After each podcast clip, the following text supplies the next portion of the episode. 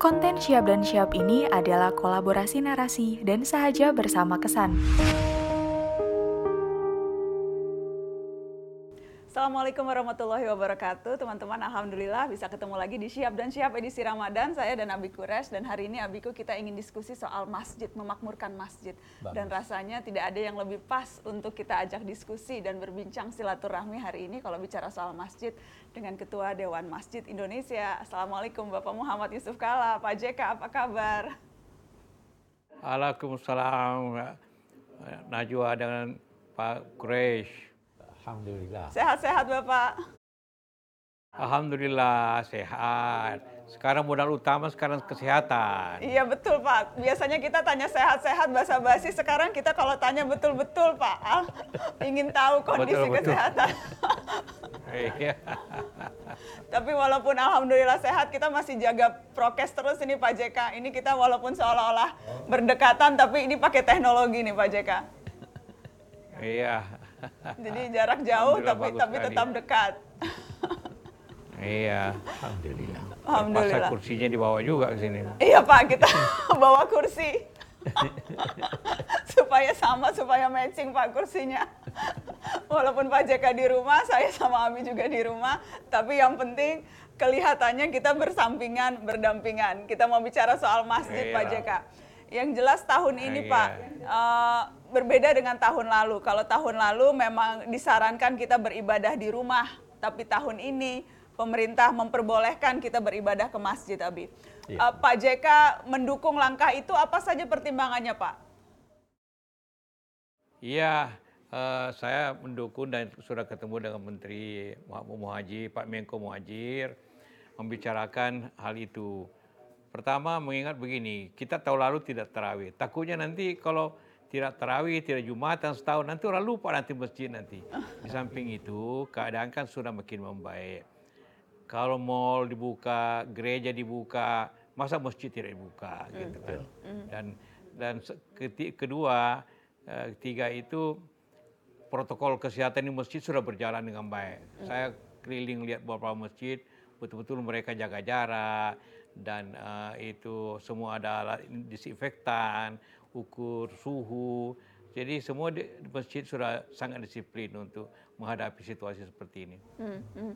Termasuk berdisiplin untuk menegur atau mungkin melarang jamaah yang tidak mau ikut eh, prokes ya Pak JK. Galak-galak juga Pak di sana harus pokoknya harus sesuai prokes. Oh iya, karena di masjid kan ada tandanya. Masjid itu ada prinsip begini. Eh, selalu harus dibersihkan disinfektan. Karena itu maka per- karpet harus buka. Tidak boleh masjid pakai karpet. Karena itu. Ketiga, ya harus dilengkapi eh, cuci tangan di sana dan betul disiplin. Seperti masjid di sekitar rumah saya hanya ditulis pokoknya jamaah tidak boleh lebih 350 biasanya 1000 hanya 350 Mhm. Soal kebersihan yang yang di, di Pak JK sebutkan tadi itu eh, jadi standarnya tidak pakai karpet. Kalaupun mau membawa eh, sajadah itu harus bawa sendiri dari rumah dan Harus. rutin Ah, dibersihkan selalu iya. ya Pak ya. iya iya kita bantu dengan disinfektan kemarin juga kerjasama dengan Unilever juga bagikan semua eh, alat pembersih sehingga betul-betul anu lah sesuai agak jarang agama lah kebersihan bagian daripada ama- amal imal Hmm. Alhamdulillah, alhamdulillah itu Iya. itu itu yang utama ya, Biku. Iya dan, dan itu Pak JK kalau kita membuka ayat Al-Quran justru kebersihan secara secara harfiah eh, dikaitkan dengan masjid. La masjidun ussisa ala taqwa ahaqqu an taquma Ya. fi. Masjid yang dibangun atas dasar ketakwaan lebih wajar kamu Ya. sholat di sana. Di sana Ya. ada orang-orang yang mencintai kebersihan dan Allah mencintai kebersihan. Jadi memang secara secara harfiah masjid dikaitkan dengan kesucian eh, dan kebersihan. Tentunya kesucian itu bukan hanya kesucian eh, eh, materi material, tapi juga kesucian hati. Jadi eh, itu Iya, salah betul. satu yang di jadi ada tujuh eh, kelompok yang Allah nyatakan mencintainya. Salah satu di antaranya adalah mencintai orang-orang yang bersih. dalam kaitannya dengan masjid dan dalam masjid. Jadi kecintaan Allah orang-orang yang bersih dalam Iya, termasuk itu- yang membersihkan iya, masjid. Ayat itu berkaitan dengan masjid. Jadi masjid mutlak bersih. Orangnya mutlak bersih. Airnya ja- diusahakan jangan masuk ke masjid kecuali bersih. Hmm. Atau paling eh, dan kalau bisa berwudu. Itu itu keutamaan, tuntunan. Iya. tuntunan, tuntunan. Pak JK, eh, saya menyimak waktu itu Pak JK sempat berkata soal memakmurkan masjid, Pak. Bagaimana masjid harus bisa memakmurkan, eh, bukan hanya kita memakmurkan masjid, tapi masjid juga bisa memakmurkan jamaahnya. Eh, apakah masjid-masjid kita dan musola-musola kita yang jumlahnya tadi Pak JK sempat sebutkan hampir 900 ribu, apakah sudah melaksanakan fungsi itu menurut Pak JK memakmurkan jamaah dan kita juga memakmurkannya Pak? Ya, itulah yang eh, selalu saya katakan. Kita memakmurkan, me- memakmurkan dan dimakmurkan masjid. Jadi di samping ada tiga macam yang memakmurkan masjid. Yang yang membangun, kedua yang menjalang memelihara dan me- menjalankannya, yang ketiga yang berjamaah di masjid. Nah, itu yang memakmurkan masjid. Nah, tapi belum lengkap kalau masjidnya bagus tapi daerah sekitarnya masyarakatnya miskin, rumahnya sederhana, masjidnya mentereng tapi rumah-rumah penduduk masyarakatnya sederhana. Jadi masjid juga harus dipakai untuk uh, upaya sosial, meng- menganjurkan uh, upaya- upaya- upaya-upaya uh, masyarakat lebih baik. Jadi saya bilang ke Pak Quraisy bahwa eh, jangan hanya bicara tentang ya, akidah, eh, ibadah dan muamalah, tapi muamalah harus lebih banyak juga dibicarakan di masjid. Iya. Perdagangan, pertanian, eh, upaya-upaya, karena itulah yang bisa memakmurkan eh, masjid. Jadi kita hanya tidak satu se- searah, harus dua arah. Ah, itulah yang kami selalu kampanyekan di mana-mana. Dan alhamdulillah sudah organisasi-organisasi eh, upaya-upaya ekonomi dan itu mulai eh, berjalan di dengan tapi bukan masjidnya yang berdagang bahaya kalau masjidnya berdagang. Tapi harus masyarakatnya yang berusaha. Saya selalu gambarkan begini Pak Ustaz Kiam. bahwa Rasulullah itu mulai berdagang umur 13 sampai dengan 40 tahun. Jadi 27 tahun Rasulullah berdagang sebagai rasul, sebagai nabi itu hanya 40 sampai umur 40 sampai 63. Jadi 23 tahun. Jadi Rasulullah lebih banyak berdagang daripada jadi rasul lebih lama. Ah, kalau kita semua akan diminta ikuti Rasulullah. Kalau mau ikuti Rasulullah, ah itulah yang eh, penting kita lakukan secara bersama-sama. Iya. Iya. Ya saya kira benar itu Pak JK. Bahkan kalau kita kembali ke masa Nabi, eh, masjid pada masa beliau itu memang bukan hanya untuk ibadah ritual. Banyak fungsinya. Dia menjadi eh, Ya. fungsi pendidikan, tempat pen- pendidikan. Bahkan universitas-universitas dalam eh, eh, negeri ne- ne- ne- masyarakat Islam, bahkan dalam masyarakat Kristen itu mulainya lahir dari masjid. Hmm. Al-Azhar itu asalnya masjid, Qarawiyyan asalnya masjid, Zaituna asalnya masjid, Eh, Cambridge di Inggris itu asalnya gereja. Jadi memang eh, memakmurkan itu bukan hanya dalam bentuk ibadah, itu satu.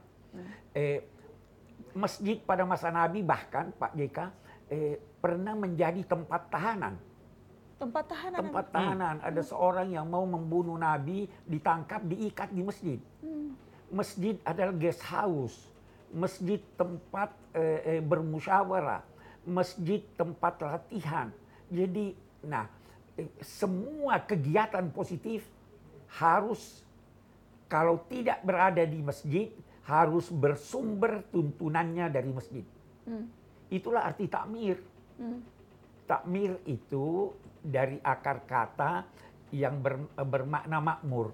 Harus memakmurkan jamaahnya, masyarakatnya, Ya, kemakmuran material dan spiritual. Ah, dan tidak pernah eh, eh, Islam itu beranggapan masjid hanya bangunan. Hmm. Bahkan di zaman Nabi juga kita baca di Al-Quran, eh, ada masjid yang Nabi suruh hancurkan. Eh, Ya, kenapa? Karena apa, Bi? karena eh, masjid itu dibangun untuk memecah belah umat. Jadi Nabi Allah memerintahkan langsung.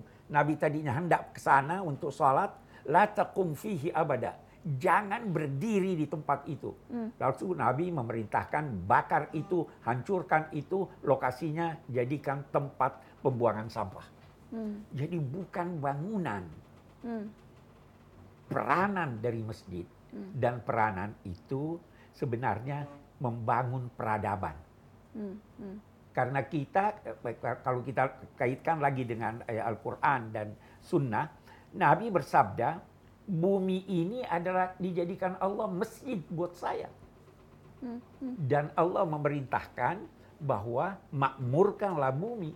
Jadi bangun peradaban di bumi. Kalau cuma ibadah ritual itu sangat kurang. Jadi saya kira sangat tepat itu ketua Dewan Masjid menekankan tentang hal ini. Hmm.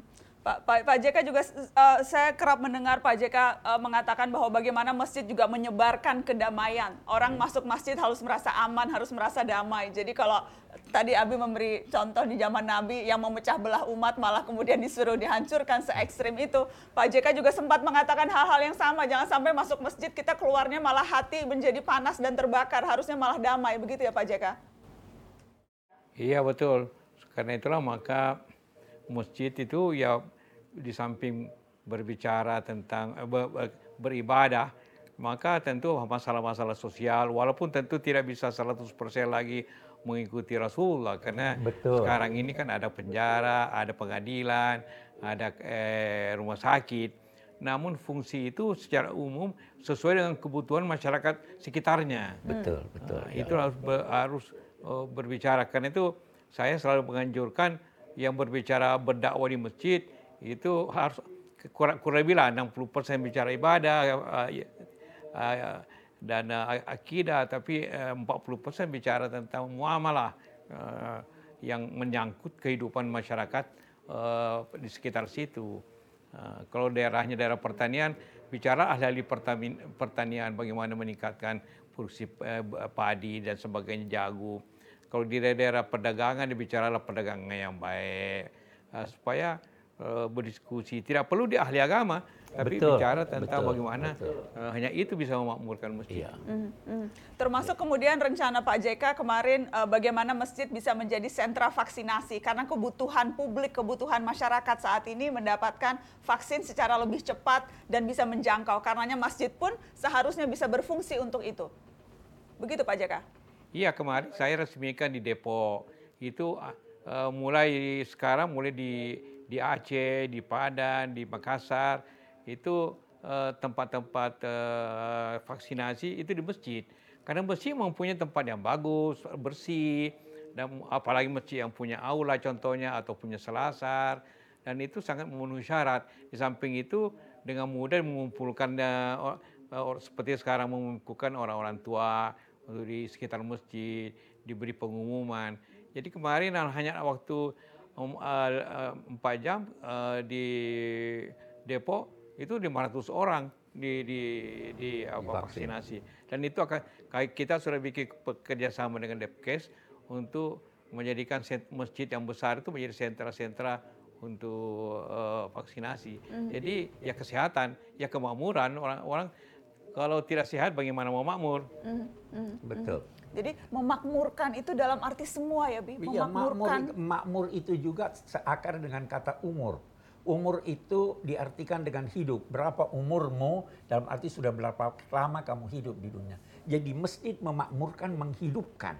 Dia hmm. harus menghidupkan. Bukan hanya menghidupkan lampunya, tetapi menghidupkan jiwa manusia sehingga dia hidup sejahtera Nah, dan, dan, dan itu Pak JK hemat saya, tuntunan agama menyangkut ritual itu eh, sedikit sekali dibanding dengan tuntunan agama menyangkut muamalah.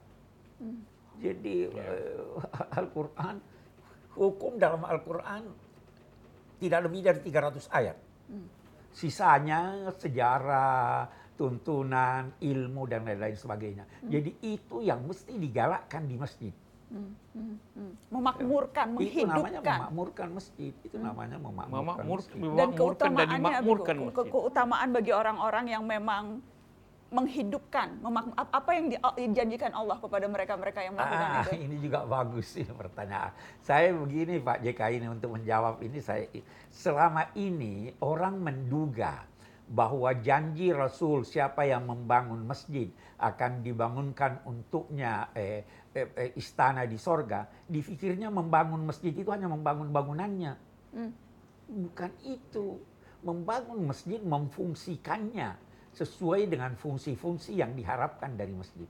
Jadi eh, biasa orang pahami demikian. Saya ingat saya kalau minta sumbangan untuk pendidikan, ya ah, itu tidak semua menyambut.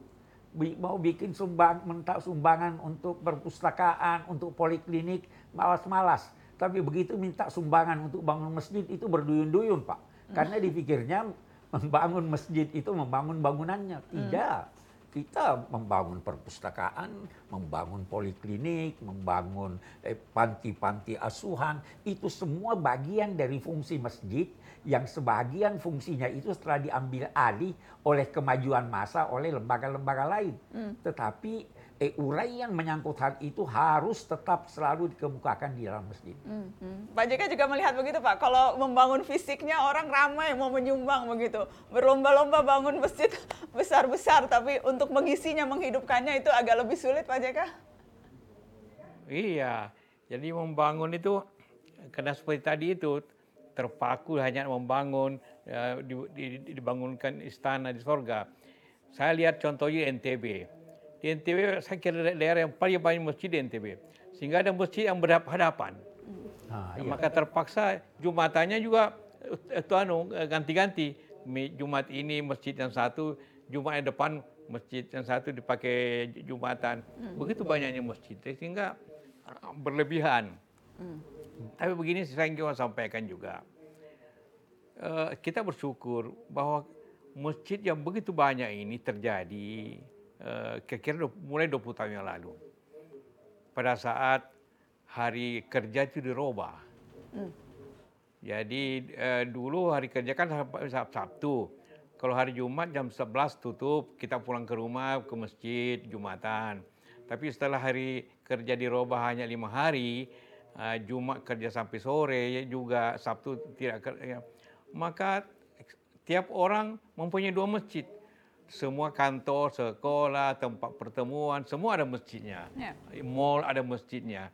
Karena eh, tadi itu hari kerja berubah. Jadi kita bersyukur hari kerja berubah sehingga maka semua orang mempunyai dua masjid.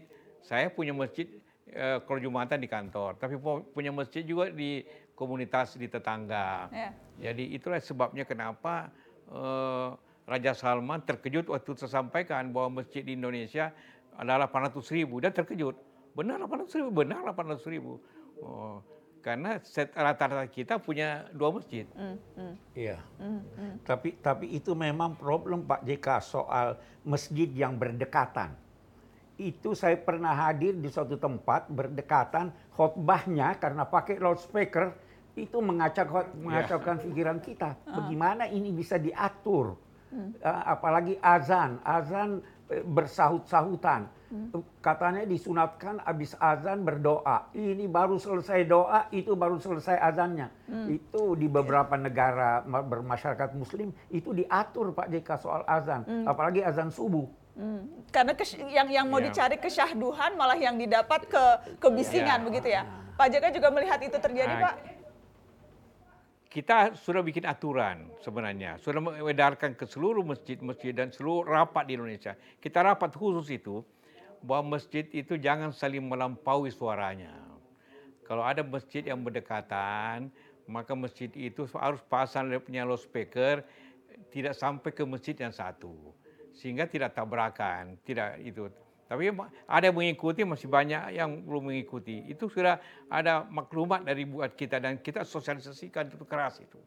Yang kedua, saya baru kita diskusikan dengan beberapa pengurus dan kemudian saya bicara dengan Pak Gubernur, Pak Anies Baswedan, bagaimana kalau kita di Jakarta ini asalnya satu orang saja, kemudian direlay dengan radio, Uh, sehingga sa satu khutbah, satu saat. Itu Pak Kures, saya pernah jalankan di masjid di Makassar, kalau masih ingat tahun 60-an. Ya. 65-an, 56. Hmm. Jadi pernah di Makassar, itu saya bagikan eh, radio 5000 dibantu dibantu oleh Pak Gubernur Pak Lamo 5000. Jadi dia punya azannya hanya di Masjid Raya.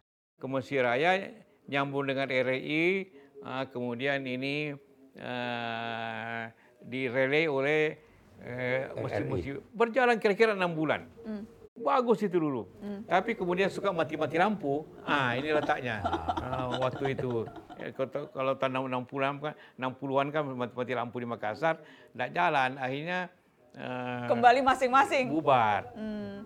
Tapi ini ide yang sedang digodok. Kita sudah bicarakan. Uh. Iya, sedang kita bicarakan dengan Pak Anies. Coba contohnya Jakarta, bisa nggak kita jalankan di Jakarta? Itu di Mesir, ingatan saya begitu Pak. Jadi satu azan dirilai dari radio, jadi tidak bersahut-sahutan. Oh begitu, ya. Oleh hmm. oleh masjid di Turki yang, juga saya lihat. Dia relay itu, jadi satu aja yang ini. Hmm. Jadi pada saat yang bersamaan satu azannya satu dirilai, ya. artinya tapi lingkungan sekitar masih tetap mendengarkan rilayannya itu rilayannya itu karena hmm. iya saya kira ide itu yang bagus sekali Pak JK kalau bisa di jadi tidak tidak melanggar wah, itu Pak Kores ya Ya. ya, insya Allah mudah-mudahan. Apalagi Pak JK yang yang uh, menurut Pak JK penting nih kalau kita bicara soal masjid memakmurkan, terutama dari segi kita sebagai jamaah. Apa yang seharusnya kita jamaah bisa lakukan lebih banyak begitu dalam konteks memakmurkan masjid dalam arti sesungguhnya. Pak JK? Begini, uh, dengan uh, teknologi dewasa ini, maka dakwah itu berubah. Luar biasa berubahnya. Ya. Kalau dulu sering ada tablik akbar, tablik ini. Sekarang tidak ada lagi. Karena kenapa tidak ada lagi? Tiap hari tablik akbar. Kalau uh, Ustadz Samad bicara di, di radio semua atau di YouTube, semua jutaan orang dengar. Kalau Pak Quraisy ngomong begini, jutaan yang ngomong dengar. Ya, kalau tapi akbar paling tinggi berapa? Jadi tablik itu hanya menjadi harus saya selalu katakan roba dari dakwah bil lisan ke dakwah bil hal. Uh, jadi uh, masjid itu uh, agar ada kajian-kajian yang positif. Uh, karena kalau ingin hanya dakwah seperti biasa, itu sudah kalah dengan uh, orang Malah istri saya kalau ibu tiap sebelum tidur dengar dulu uh, dakwah dari YouTube. Jadi atau bangun tidak dengar lagi. Jadi jadi sekarang kurang takbir akbar tapi jutaan orang menjadi takbir akbar dewasa ini. Ya, karena teknologi. Kalau ada das karena teknologi. Jadi juga mesti cara dirubah. Hmm. Cara kita berdakwah, ya. cara kita uh, menerima dakwah dan cara kita memakmurkan itu ya, juga harus diubah ya. Dan karena itu pula saya ingin garis bawahi tadi apa yang dikemukakan Pak JK bahwa kita harus lihat sasaran dakwah itu apa dan apa yang dia butuhkan. Ya. Ya toh? Ya. Saya tidak usah saya Betul. mengajak eh, jamaah yang miskin untuk berzakat. Hmm. Tidak perlu. Ya. Dia tidak punya kemampuan ya. untuk Betul. itu tidak perlu saya ajak ya, itu tadi yang dikemukakan Pak Deka di garis bawahi di masyarakat pertanian bicara pertanian di masyarakat perkotaan yang iya. kebutuhannya ini bicara jadi sasaran itu eh, dakwah itu mengenai sasaran mm-hmm. karena itu yeah, sejak yeah, yeah. dini Al-Quran memerintahkan membaca bukan hanya membaca mempersiapkan dakwah tapi membaca sasaran apa kebutuhan? Apa kebutuhannya? Apa kesalahannya? Apa kekeliruannya untuk kita luruskan? Itu. Jadi saya kira memang apa namanya masih masih panjang perjalanan kita untuk mencapai kesempurnaan. Tapi alhamdulillah banyak kemajuan. Kita sudah mulai menyadari itu.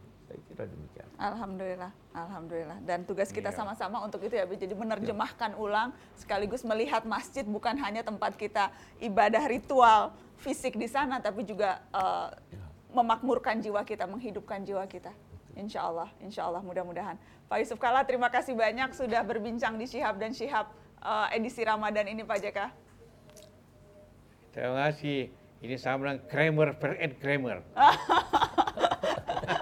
siap siap Kramer versus Kramer kata Pak JK gaul banget sih nonton juga film zaman dulu itu Pak oh zaman dulu Pak JK ternyata penikmat film. Terima kasih ya Pak. Salam untuk ibu, untuk anak-anak, untuk Terima teman-teman. kasih sama-sama. Sehat terus Pak JK, Ya, insya Allah. Iya, insya Allah kita jangan Najwa kita urus masjid ini dengan A- AB ini sejak lama. Hmm. Dulu Pak Abdul Rahman Syihab yang ketua. Yang bendaharanya Bapak saya, Haji Kala. Ah, Setelah beliau tidak ada, ketuanya Pak Quraish Syihab. ah. Bendaharanya saya di Mesir Raya. Jadi kita keturunan pengurus masjid ini sebenarnya. Dan anak-anak kita sekarang Pak bersahabat, bahkan cucu-cucu satu sekolah. Oh iya ternyata empat generasi, empat generasi. Alhamdulillah. Alhamdulillah. Apa itu berarti Abi kasih Abi sama Pak JK kasih tugas Nana dan untuk meneruskan insya Iya, Allah. harus, harus insya Allah. meneruskan Oh, insya Allah. Harus. Insya Allah diteruskan. Iya. Supaya sama-sama kita eh, apa terus saling memakmurkan ya Bi. Amin, amin insya Allah. Sekali lagi Amin. terima kasih banyak Pak JK. Semoga sehat terus Abiku. Terima kasih Terima kasih. Abiku. Dan terima kasih kepada teman-teman yang sudah menyaksikan Syihab-Syihab edisi Ramadan ini. Sehat terus semuanya. Kita ketemu lagi besok insya Allah. Assalamualaikum.